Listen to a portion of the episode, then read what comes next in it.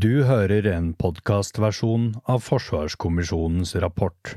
Jeg heter Bård Nicolas Viksten. Kapittel 7 Klimaendringer Forsvarskommisjonen er i mandatet fra regjeringen spesielt bedt om å se på hvordan bærekraftsmål, klima- og miljøendringer vil påvirke forsvarssektoren og den sikkerhetspolitiske situasjonen i årene fremover. Klimaendringene er en grenseoverskridende og langsiktig utfordring. De kan føre til ulike globale utviklingstrekk som ressursknapphet, nød, migrasjon og ulikhet. I tillegg kommer de fysiske endringene i selve operasjonsmiljøet som følge av klimaendringer, for eksempel flom, skred eller andre naturkatastrofer. Også forsvarssektoren må tilpasse seg og treffe nødvendige og relevante tiltak for å møte de nasjonale utslippsmålene. Det kan oppstå potensielle dilemmaer mellom å gjennomføre klimatiltak og bevare Forsvarets operative evne. Dette kapitlet tar for seg de potensielle konsekvensene klimaendringene vil medføre globalt, for Norge og for forsvarssektoren. Sammenhengene mellom klima og sikkerhet drøftes, og hvordan mer ekstremvær kan påvirke den operative militære evnen. Det legges vekt på klimaendringene i Arktis og hvilke implikasjoner dette kan få for Norges sikkerhet, samt hvilke politiske konsekvenser ulike grader av klimatilpasning kan få. Klima og sikkerhet Klimaendringer, sikkerhet og sikkerhetsinteresser henger stadig tettere sammen. Klimaendringer kan lede til konfrontasjon og konflikt i seg selv, forsterke eksisterende konfliktlinjer og bidra til å destabilisere samfunn. Klimaendringer vil gi et mer krevende operasjonsmiljø å operere i.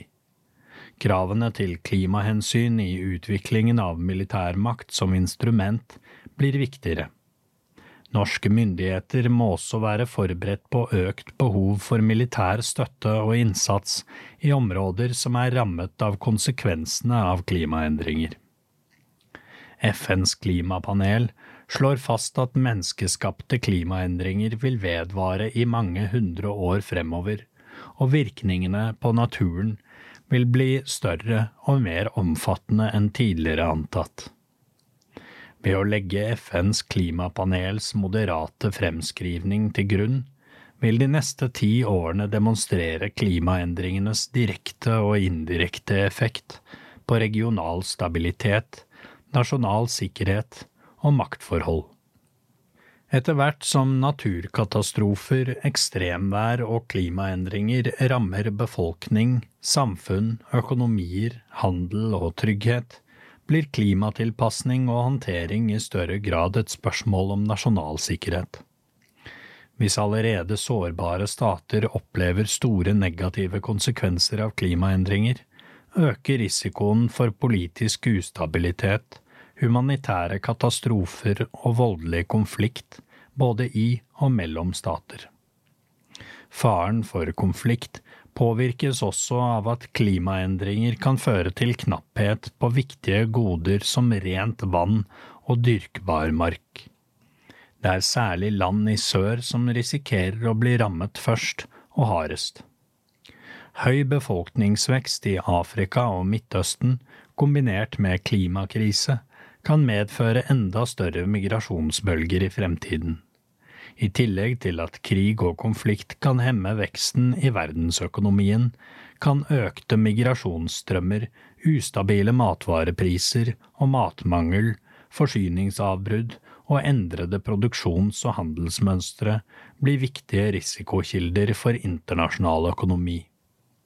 Et stadig tettere sammenvevd verdenssamfunn gjør at regionale kriser kan få større ringvirkninger og hendelser langt unna kan ramme hardere, raskere og på nye måter. Det er bred enighet om at klimaendringer er en trusselmultiplikator. Klimaendringene forsterker eksisterende konfliktårsaker, øker spenningen mellom land og forverrer de negative konsekvensene av andre utviklingstrekk. Også aktører som Nato har begynt å legge en kurs basert på samme erkjennelse.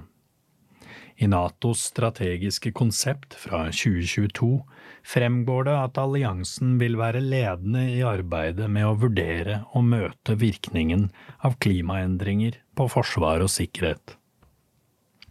Videre vil Nato bidra til å bekjempe klimaendringer ved å redusere klimagassutslipp forbedre energieffektiviteten, investere i overgangen til rene energikilder og utnytte grønne teknologier.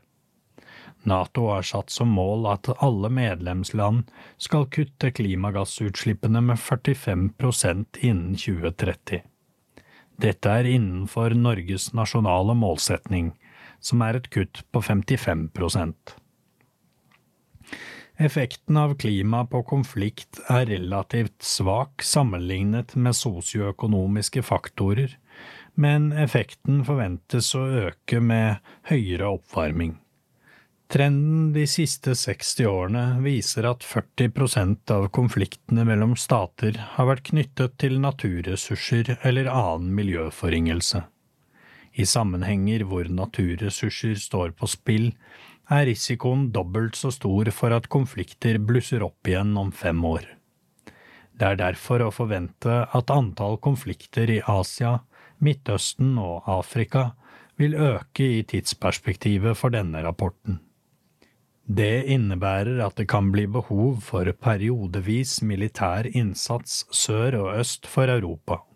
Samtidig vil vestlige lands vilje og evne til å påta seg denne typen oppdrag være politisk og materielt begrenset. En rekke beregninger viser et globalt BNP-tap som følge av global oppvarming, sammenlignet med en referanse uten klimaendringer.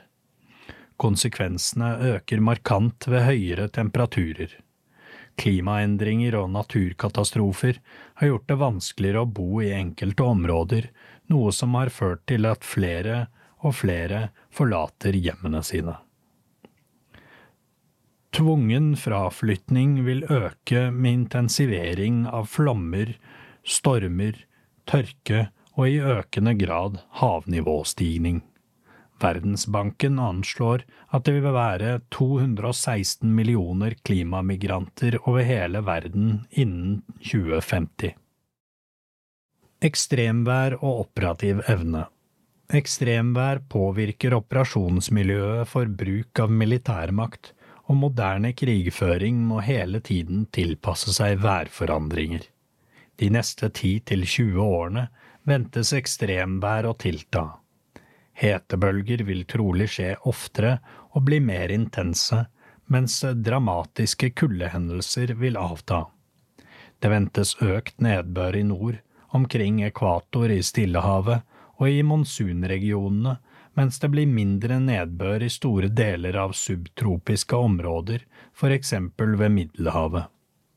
Ekstremnedbør vil tilta, og styrtregn kan øke med 7% i intensitet for hver grad kloden varmes opp. Verdenshavene blir varmere.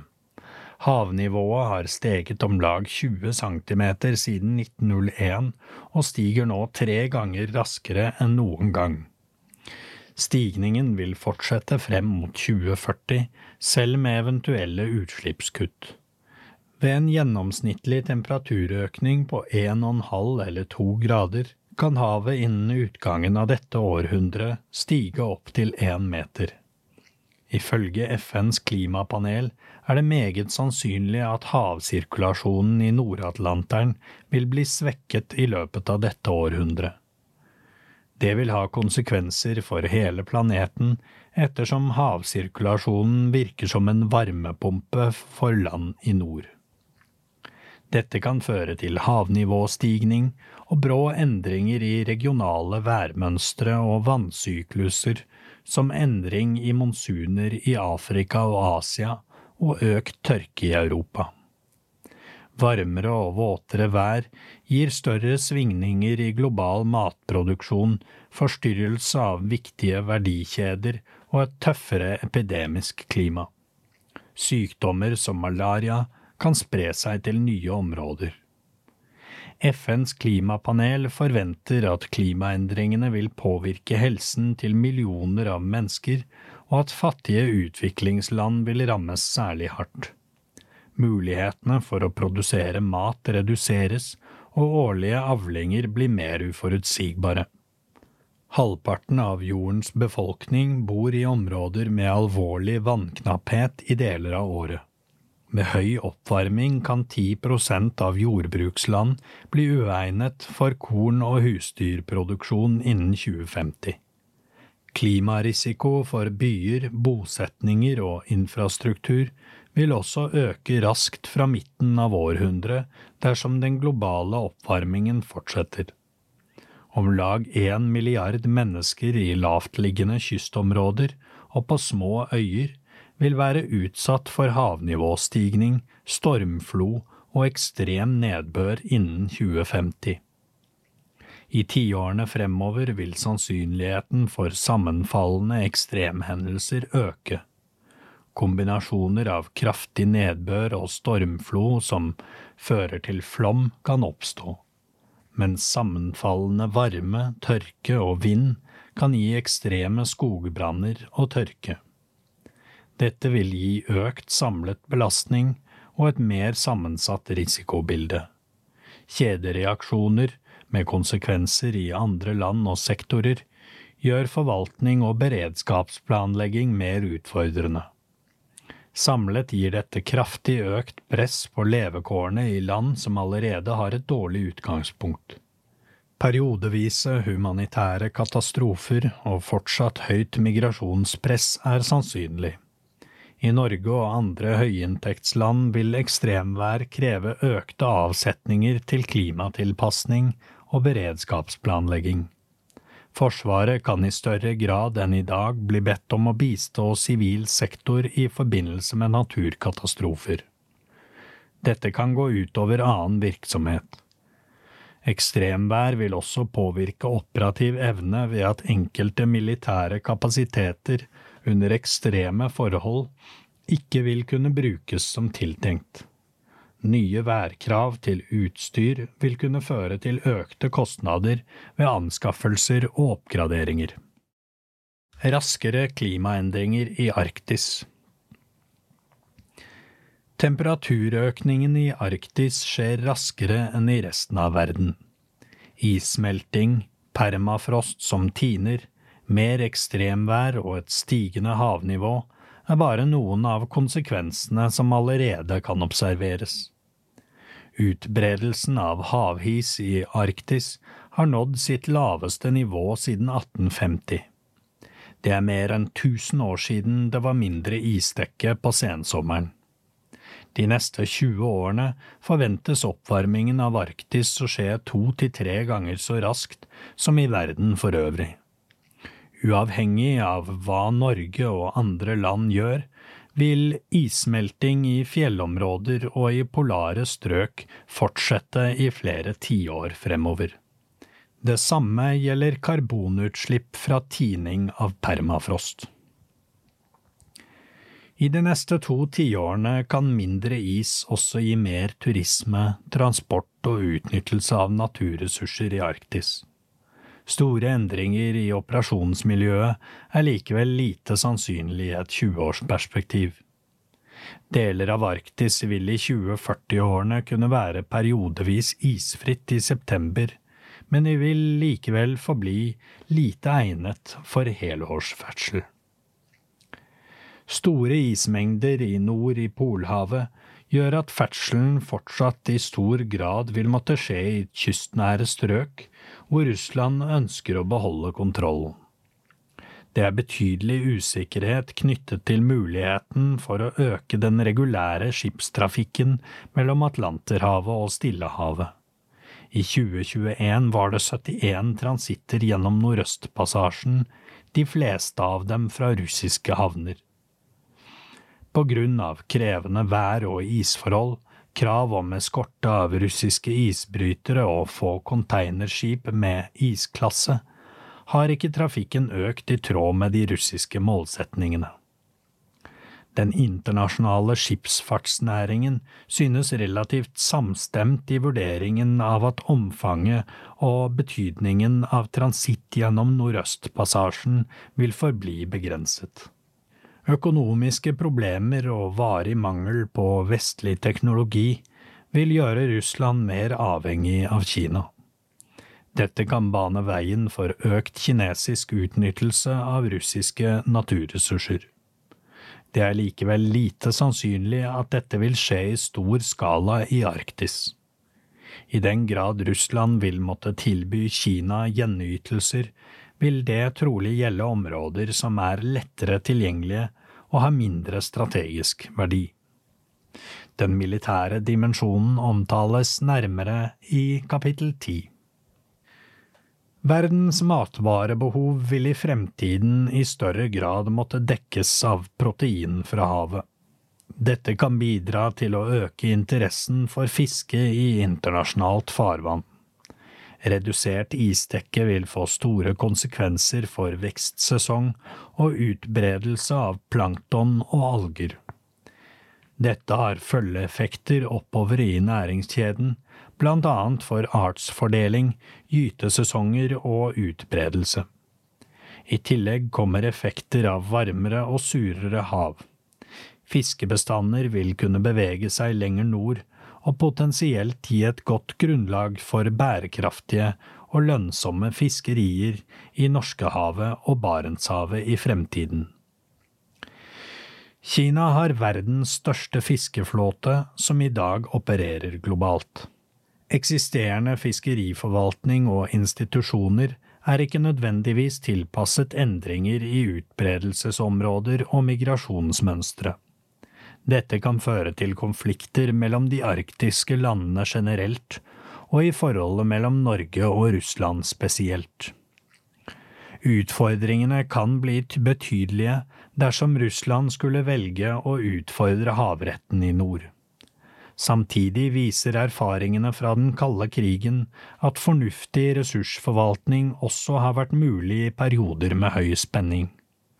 På land fører klimaendringene til opptining av permafrost, noe som medfører redusert fremkommelighet, erosjon og frigivelse av klimagasser. Kysterosjonen i Arktis er blant de høyeste i verden, med en rate på over fem meter i året i de mest utsatte delene av Alaska. Dette gir økte kostnader for kyststatene og det vil være krevende for Russland som har viktig militær infrastruktur i regionen. Det er sannsynlig at Russland vil fortsette å prioritere Arktis høyt og forsøke å gjøre de tilpasningene som må til. Klimaendringer kan forsterke den strategiske betydningen av øyene i Arktis. Oppvarmingen på Svalbard er seks ganger høyere enn den globale temperaturøkningen. Isbreene smelter raskere enn før og vil føre til havnivåstigning. Permafrosten tiner i høyt tempo, og faren for kraftig nedbør, snø og jordskred vil øke. Interessen for turisme og for å drive forskning på klimaendringer og arktiske problemstillinger vil forventes å øke. Dette vil stille norske myndigheter overfor mange krevende problemstillinger i tiden fremover. Den militærstrategiske betydningen av Svalbard omtales i kapittel ti. Grønland har allerede økende betydning for NATO som følge av Russlands strategiske interesser i Arktis. De neste 20 årene kan issmelting gi tilgang til forekomster av mineraler og sjeldne jordarter på Grønland.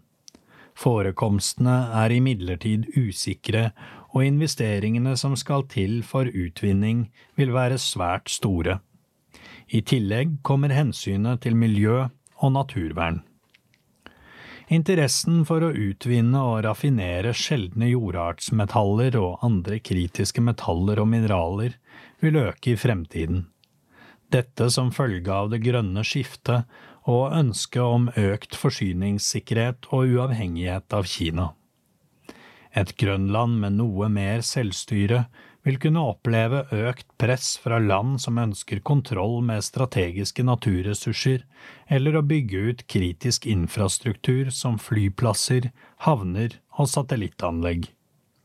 Erfaringen så langt er imidlertid at både Danmark og USA vil være årvåkne mot slike fremstøt, særlig fra Kina. Klimatilpasning og politiske konsekvenser Tilpasningene som må til for å begrense global oppvarming til 1,5 grader innen 2030, er kostnadsberegnet til mellom 1 til 2 prosent årlig av verdens totale BNP. I 2021 var de globale investeringene i energiomstilling på om lag 755 milliarder dollar, hvorav hovedvekten var i fornybar energi, elektrifisering av transport og oppvarming. Det gjør det grønne skiftet til den største reallokeringen av ressurser siden den andre industrielle revolusjonen på slutten av 1800-tallet. Som ved tidligere skifter av dette omfanget kan dyptgripende endringer i arbeids- og samfunnsliv føre til sosial og politisk uro og fremvekst av nye politiske massebevegelser. Sammen med de store økonomiske utfordringene Europa og Nord-Amerika står overfor de neste 10–20 årene, vil politisk polarisering trolig forbli en utfordring i flere land, og en utfordring for samholdet i Nato og EU. Som beskrevet i kapittel åtte vil energipolitikk dominere Europa de neste tiårene. Overgangen til fornybar energi vil påvirke produksjonsmønstre og behovet for transport av energi på tvers av landegrensene. I tillegg vil avhengigheten til land som besitter kritiske komponenter og mineraler øke. Det skaper nye forbindelser, avhengigheter og maktforhold mellom land. Et mer desentralisert energisystem og lavere petroleumsinntekter kan endre maktforhold og destabilisere enkelte land som i dag er avhengige av disse inntektene. Oljeeksporterende land med underliggende svakheter som dårlige levekår, svake styresett og store ungdomskull vil være særlig utsatt. Klimaendringer er en potensiell driver for fremtidige voldelige aksjoner og i ytterste instans terrorisme. En hel generasjon har vokst opp med stigende alvorlighetsgrad av trusselen fra klimaendringene og vært vitne til gjentatt politisering av klimasaken. Misnøye med langsom klimapolitikk og nedprioritering av den langsiktige utfordringen har provosert frem aktivisme i flere land. Frem mot 2040 vil denne aktivismen kunne øke bruken av vold og potensielt utvikle seg mot ekstremisme og terrorisme. Dette er en utfordring som trolig vil prege land i Vesten i større grad enn i andre deler av verden i tiårene fremover. Regjeringens mål per 2022 er å redusere Norges utslipp med 55% innen 2030. Det vil kreve en stor og rask omstilling av samfunnet, annet gjennom en omfattende elektrifisering og digitalisering. Forsvaret er kritisk avhengig av sivilsamfunnet og må derfor tilpasses i takt med de endringene som skjer i samfunnet for øvrig. Klimaendringene vil kunne påvirke hvordan Forsvaret løser sine oppgaver, operasjonsvilkår samt behov for kapasiteter og materiell. Kritisk infrastruktur som Forsvaret er avhengig av, vil påvirkes av forhold som strøm, veier og vann. Det er behov for større kunnskap for å forstå og forutse hva klimaendringene betyr for militære kapasiteter, infrastruktur og den geopolitiske konteksten som norske styrker opererer i. Det forventes at hyppigheten og omfanget av klimarelaterte hendelser både i Norge og internasjonalt vil øke de neste to tiårene. Dette vil utfordre norske myndigheters evne til krisehåndtering og beredskap. Det vil også gjøre sentral samordning og prioritering vanskeligere. I Norge vil snøfattige vintre og mindre tele tvinge frem vesentlige endringer i planene for norsk og alliert vintertrening. Endringene vil medføre behov for å bygge kompetanse gjennom utdanning, trening og øvelser i håndtering av ulike typer klimahendelser. Klimavurderinger og vurderinger av klimarisiko vil derfor i større grad bli en nødvendig del av modellering, simulering og krigsspill i forsvarssektoren. Klimaendringene vil utfordre Forsvaret i søk og redning og annen støtte til det sivile samfunn i naturkatastrofer som flom og skred. Forsvaret vil også få større krav til mobilitet og overvåkning ettersom operasjonsområdet øker som følge av issmeltingen. Dette kan øke behovet for flere maritime kapasiteter som fartøyer, helikoptre og droner. Globalt vil økt risiko for voldelige konflikter flere naturkatastrofer og økt migrasjon blant annet øke etterspørselen etter norske kapasiteter til internasjonal krisehåndtering og grensekontroll.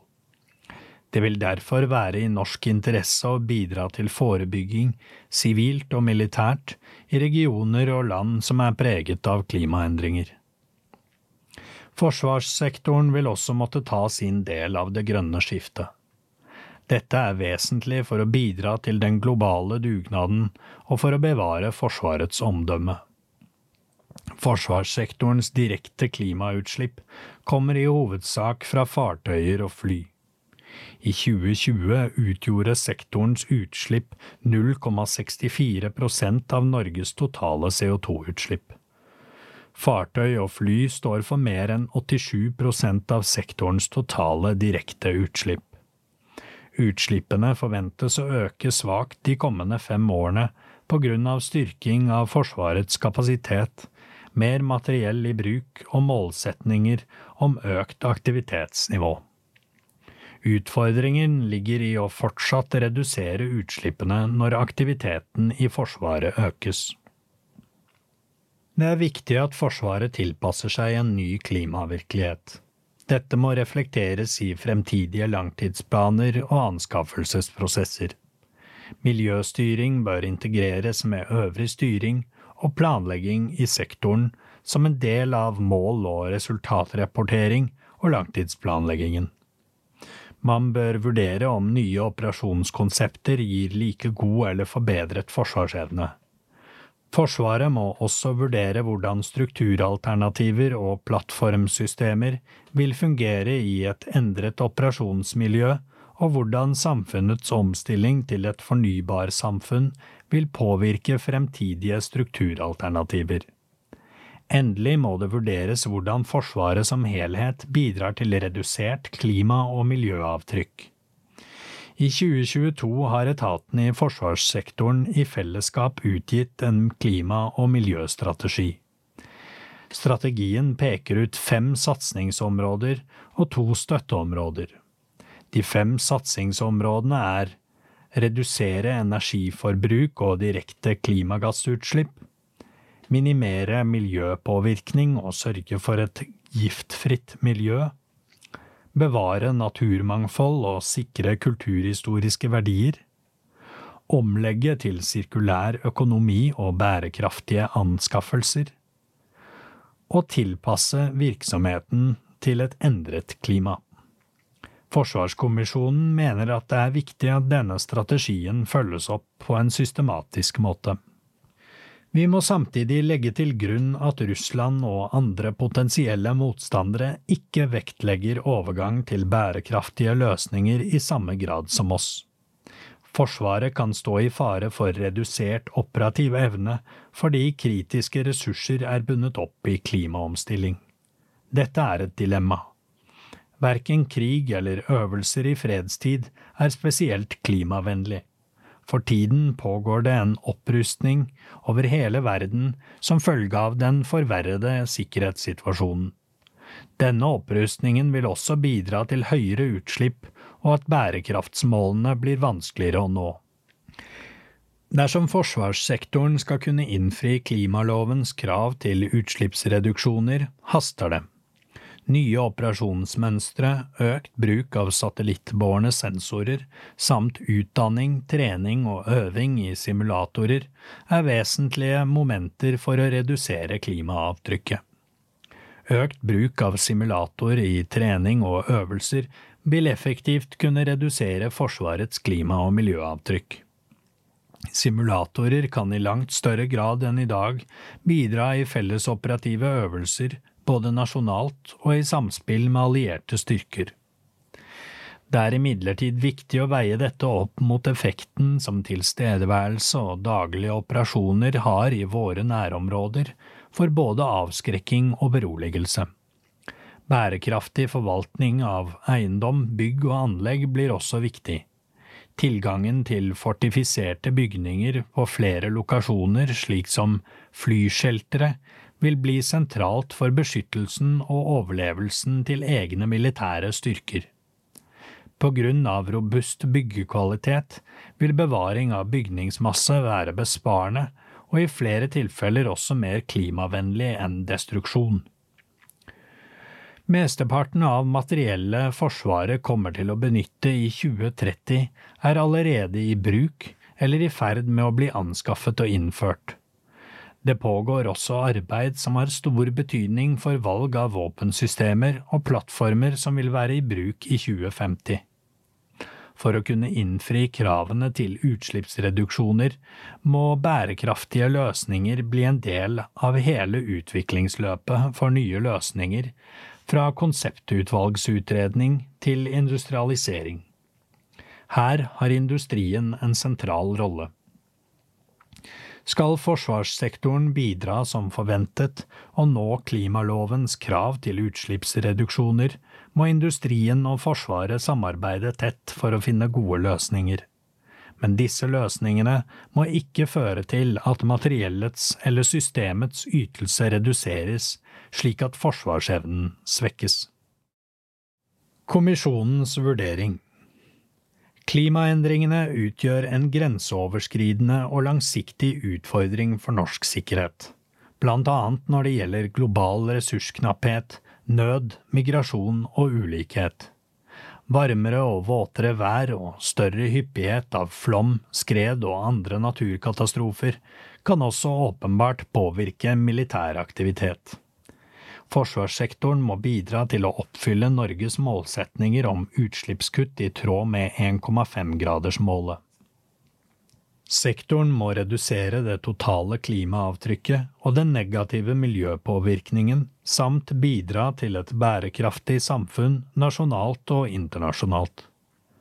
Satsing på energieffektivisering og fornybar energi blir viktig, også i Forsvaret, i en verden der det er store utfordringer i forsyningssikkerheten, råvaremangel, økte priser og usikkerhet rundt energisituasjonen. Sektoren må tilpasses økte miljøkrav for et klima i endring.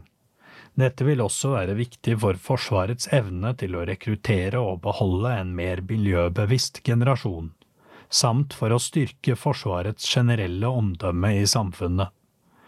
Det blir viktig for Forsvaret å utnytte den tilgjengelige teknologien for å begrense utslipp og redusere belastningen på naturen.